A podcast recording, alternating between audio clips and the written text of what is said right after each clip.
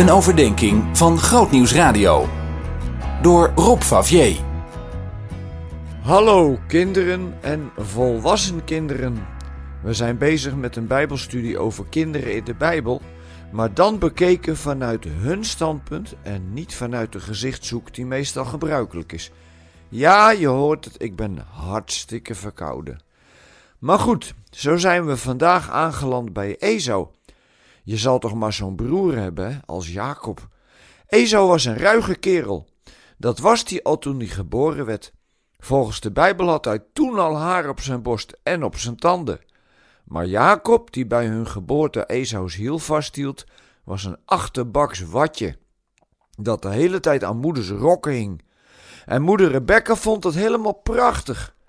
Misschien zijn sommige dingen Esau ontgaan, want zo iemand lijkt het me wel. Eentje die niet zo let op de details. En Esau is ook een man van het moment.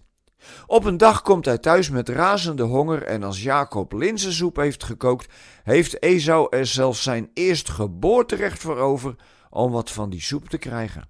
Dat is niet fraai van hem. Maar Jacob maakte eigenlijk misbruik van zijn onverschilligheid.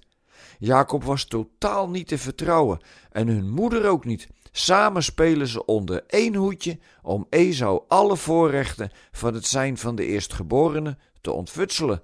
Wat het met Esau gedaan heeft, dat blijkt als hij als mosterd naar de maaltijd ook bij vader Isaac komt. Hij wil de zegen die voor hem bestemd was, maar die heeft Isaac al aan Jacob gegeven. En men ging ervan uit dat je zo'n zegen maar één keer kon uitdelen. En dan breekt deze stoere kerel.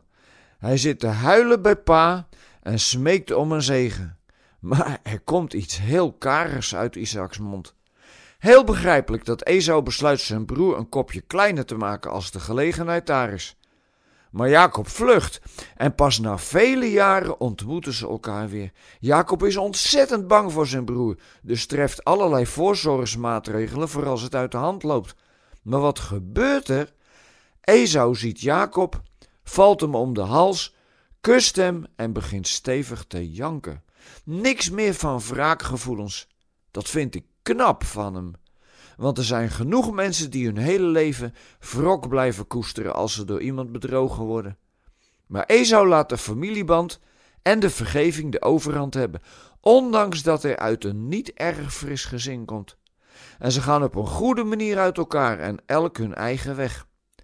Esau had het ook niet slecht financieel gezien, net als Jacob.